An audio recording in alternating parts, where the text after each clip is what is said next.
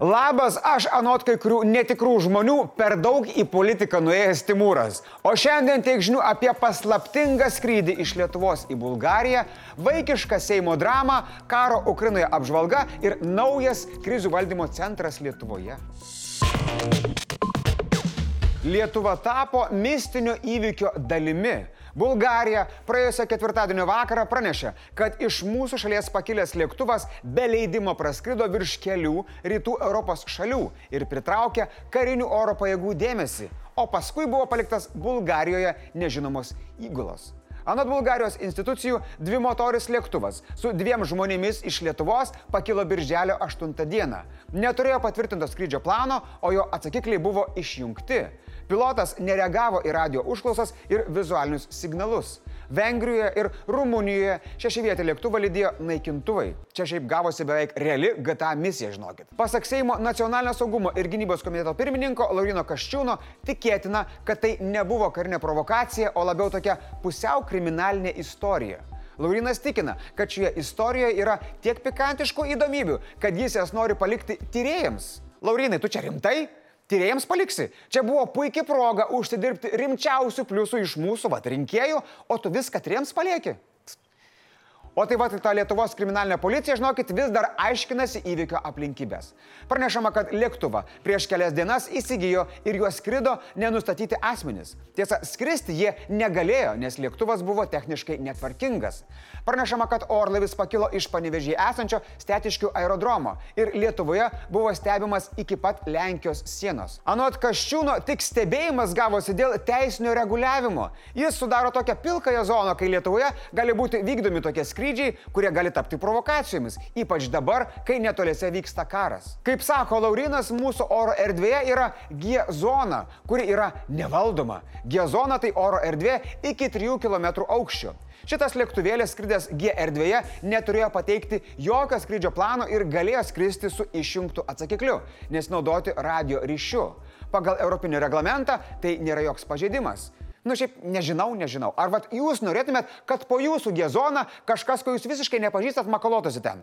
Man atrodo, kad kiekviena pasaulio gezona turi būti saugoma, nes kitaip kyla labai didžiulė problema. Šią problemą siūloma spręsti mažinant nevaldomos oro erdvės aukštį ir plėsti valdomą oro erdvę. Įvesti labai aišku algoritmą, kaip naudotis tą gezoną ir parduodant orlaivius, ypač užsienio piliečiams, turi būti vykdoma sustiprinta pirkėjų patikra. Metas mums saugoti savo savo gezoną, kai būdavo saugomas rūtų vainikėlis. Kol Ukrainoje vyksta karas, dėl kurio Lietuva išgyvena egzistencinę krizę, Seime atsidarė maištaujančių vaikų darželis. Mūsų parlamento posėdžių transliacijų pradžia jau galėtų prasidėti. Televisa presenta. Dėl vaikiškai įsižeidusios opozicijos stoja darbas Seime. Pusė parlamento komitetų negali dirbti, jei juose nepasirodo opozicijos atstovai. Ir jie nepasirodo. Kartu su to lieka ir daug nesprendžiamų klausimų. Pavyzdžiui, Teisės ir Teisėtarkos komitete. Kad šis komitetas nebebauksuotų, ryt bus siūloma jį papildyti nariu iš valdančiųjų. Tiesa, nors opozicija pranešė ketinanti nedalyvauti ne tik plenariniuose, bet ir komisijų bei komitetų posėdžiuose, visgi Seimo valdybos posėdėje jie pasirodė. Taip pat turime ir e, mielus opozicijos kolegas taip pat. Čmilytė Nilsen teigia, kad įmanoma Seimo darbą sugražinti atgal ir be opozicijos. Pasak jos, tiek teoriškai, tiek praktiškai valdantieji gali vien savo balsais priminėti įstatymus ir užbaigti pavasario sesiją. Opozicija savo ruoštų teigia, kad prireikus imtųsi formuoti valdančiąją daugumą, o valstiečiai premjerų siūlytų koronaviruso ir aludurių siaubą Aurelijų Verygą. Pasak valstiečių frakcijos seniūnės Aušinės Norkienės, opozicija šiuo metu turi 67 balsus, bet iki trūkstamo 71 atstovo būtų dairomasi valdančiųjų frakcijose. Gal kas nepatenkintas konservatoriais, na pavyzdžiui. Norkienė genialiai mano, kad geriausias būdas susitarti su valdančiaisiais yra šantažas. Tokiu būdu krizė Seime turėtų išsispręsti. Tai nuo šiol žinokit, jeigu mergina ar vaikinas neina su jumis į pasimatymą, jūs užlaužkit jam ar jai rankas ir problemėlė turėtų dingti. Va taip pat, bent jau taip mano šita buvusi pradinukų mokytoja. Galiausiai Seimo pirmininkės pavaduotojas Jurgis Razma mano, kad su opozicija dialogą reikia palaikyti. Pasak jo, gal ne visai pridara atsižvelgti į jų lūkesčius, bet valdantieji ir patys privalo parodyti, kad gali užtikrinti sklandų darbą Seime. Žodžiu, jei opozicija ir toliau nuspręs viską boikotuoti, iš visų komandiruočių ir kelionių valdantieji bus kviečiami į Seimo salę ir tuomet parlamento darbas turėtų važiuoti kaip per sviestą. Na, man tiesiog įdomu, ką galvoja opozicijos rinkėjai. Galbūt vienu iš jų esate jūs. Parašykite komentaruose, palaikote opoziciją šiame ginče ar ne. Jau 112 Rusijos trijų dienų karo Ukrainoje para. Vladimiras Zelenskis sako, kad apginti Donbaso regioną yra gyvybiškai svarbu, nes tai gali turėti esminės įtakos visai karo eigai. Užsienio žiniasklaida teigia, kad šiame kare Putino galimybės yra ganėtinai ribotos, kadangi Rusijoje žmonės televizoriuose kariauja specialią operaciją, O kadangi Rusija nekariauja, o tik duhina kitą šalį, mobilizacijai sąlygos nepalankios. Džiaugiasi vyrai Rusijoje, kad jiems karas tik televizoriuje. Džiaugiasi ukrainiečiai, kad rusai toliau haltūrija. Liūdi Putinas, kad tik jis save tokiu dideliu mato. O kol Rusija inirtingai masto, iš kur dar gauti mėsos karui Ukrainoje, tripinėjantis NATO generalinis sekretorius sako, kad vakarų šalis turėtų siūsti daugiau sunkiosios ginkluotės Ukrainai. Stoltenbergo teigimu, NATO skubina ginkluotės pristatymus Ukrainai. Kol jis kalba, ukrainiečiai žūsta. Tuo tarpu Servedonetskas vis labiau panašiai į dramą Mariupolyje. Mieste esančioje chemijos gamykloje Azot slepiasi per 500 civilių ir neaiškus kiekis karių. Okupantai buvo nurodę kariams iki šiandienos ryto sudėti ginklus. Kokį jie gavo atsakymą tikriausiai galite įsivaizduoti. Kadangi jau prakalbam apie Mariupolį, kaip teigia miesto mero patarėjas Petro Andruščenko, Ostamestėje pradėjo veikti pasipriešinimo judėjimas.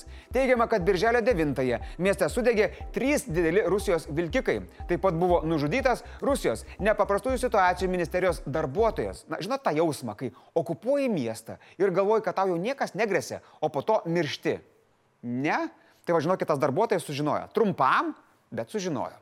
Kas liečia karo eigą, tai vakarų pareigūnų vertinimų įmanomi trys scenarijai. Pirma, Rusija toliau mažai žingsniais stumėsi rytų Ukrainoje. Antra, mūšiai įstringa ir tokia padėtis tęsusi mėnesius ar net metus, abiem pusėm patiriant didelių praradimų bei nukenčiant globaliai ekonomikai. Ir trečia, ir bet mažiausiai tikėtina galimybė, Rusija pakeičia karo tikslus, paskelbia pasiekusi pergalę ir bando stabdyti kovas. Na, aš sakyčiau, net ne mažiausiai tikėtina, o nereali, man atrodo, net neįtikėtina. Putinas parodęs, kas jis iš tiesų yra, kelio atgalgi nebeturi. Nors pala yra jo draugai Paryžiuje ir Berlyne. Vidaus reikalų ministerija praneša, kad atsižvelgiant į kelių paskutinių metų tendencijas, mes oficialiai galime save vadinti ekstremalais. Šalyje buvo paskelbtos devynios savivaldybės lygio ekstremaliosios situacijos ir viena valstybės lygio ekstremalioji situacija, kuri tęsiasi iki šiol. Koronaviruso pandemija, hybridinis karas su Baltarusija, neteisėta migracija, Ukrainos karo pabėgėlių krizės, pastoviai į nugarą alsuojantis Astravas ir Rusija su savo imperialistinėmis ambicijomis ir marazmais atšaukti nepriklausomybę. Na, gyvenant tokioje realybėje, efektyvus krizių valdymas turi būti ištobulintas kaip naminių šaltibaršių šaltibarščių receptukas. Tam, kad viskas vyktų sklandžiai, VRM siūlo kelis pakeitimus. Pirmas - sukurti nacionalinį krizių valdymo centrą, kuris nuolat stebėtų situacijas, vertintų grėsmės ir jas prognozuotų. Krizių metu ko labai reikia? Reikia greito, žaibiško reagavimo, lankstumo. Siūlome pradėti uždraudžiant Erikai Švenčioniniai važinėti į Baltarusiją ir kalbėti briedus. Viena grėsmė iš karto taptų mažiau. Pasak vidaus reikalų ministrės Agnės Bilotaitės, naujas centras būtų vyriausybės kanceliarijos struktūrinis padalinys, o vyriausybės ir savivaldybių ekstremalių situacijų komisijų kaip perteklinių grandžių planuojama atsisakyti. Nacionalinio saugumo komisija bus pagrindinė vyriausybės sudaroma institucija, kuri priima sprendimus dėl veiklos prioritetų - valstybinių pasirengimo, prevencijos ir reagavimo užduočių. Tam tikrais atvejais vyriausybė galės skirti valstybės ir savivaldybių institucijoms ir įstaigoms zadanijas, o krizių valdymo centras koordinuos ir kontroliuos jų vykdymą. Taip pat bus siekiama pasirūpinti nevyriausybinių organizacijų pasirengimu ir apmokymu, krizių ir ekstremalių situacijų valdymui ir padarinių šalinimui. Žodžiu, naujas modelis bus centralizuotas ir vadinsis visi už vieną ir vienas prieš krizės. Blitz naujienos. NATO, Lietuvai ir kitoms rytinio alijanso sparno valstybėms ketina numatyti iš anksto priskirtas pajėgas, tačiau ne visos jos bus nuolat dislokuotos šiuose šalyse. NATO generalinis sekretorius Jansas Stoltenbergas pabrėžia, kad toliau bus stiprinamos ir prieš akinės pajėgos. Mhm. Vakarų sankcijų suvaržytos ir su laikinojo administratoriaus priežiūro dirbančios Kėdainių fosforo trašų gamyklos Lifosa generalinis direktorius Rimandas Prostevičius pateikė prašymą trauktis iš pareigų. Anksčiau buvo pranešta apie priekaištus įmoniai dėl paslaugų Rusijos oligarchams. Šiandien vakare į Lietuvą atvyksta šiųmetinės Eurovizijos nugalėtojai Kaluš orkestra.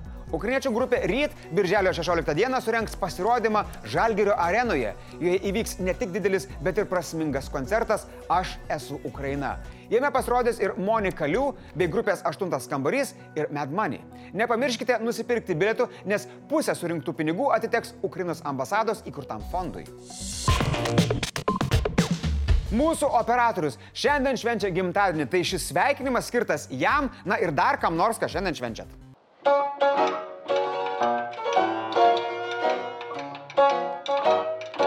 Šiandien tiek žinių, rytoj čia vėl būsiu aš. Iki.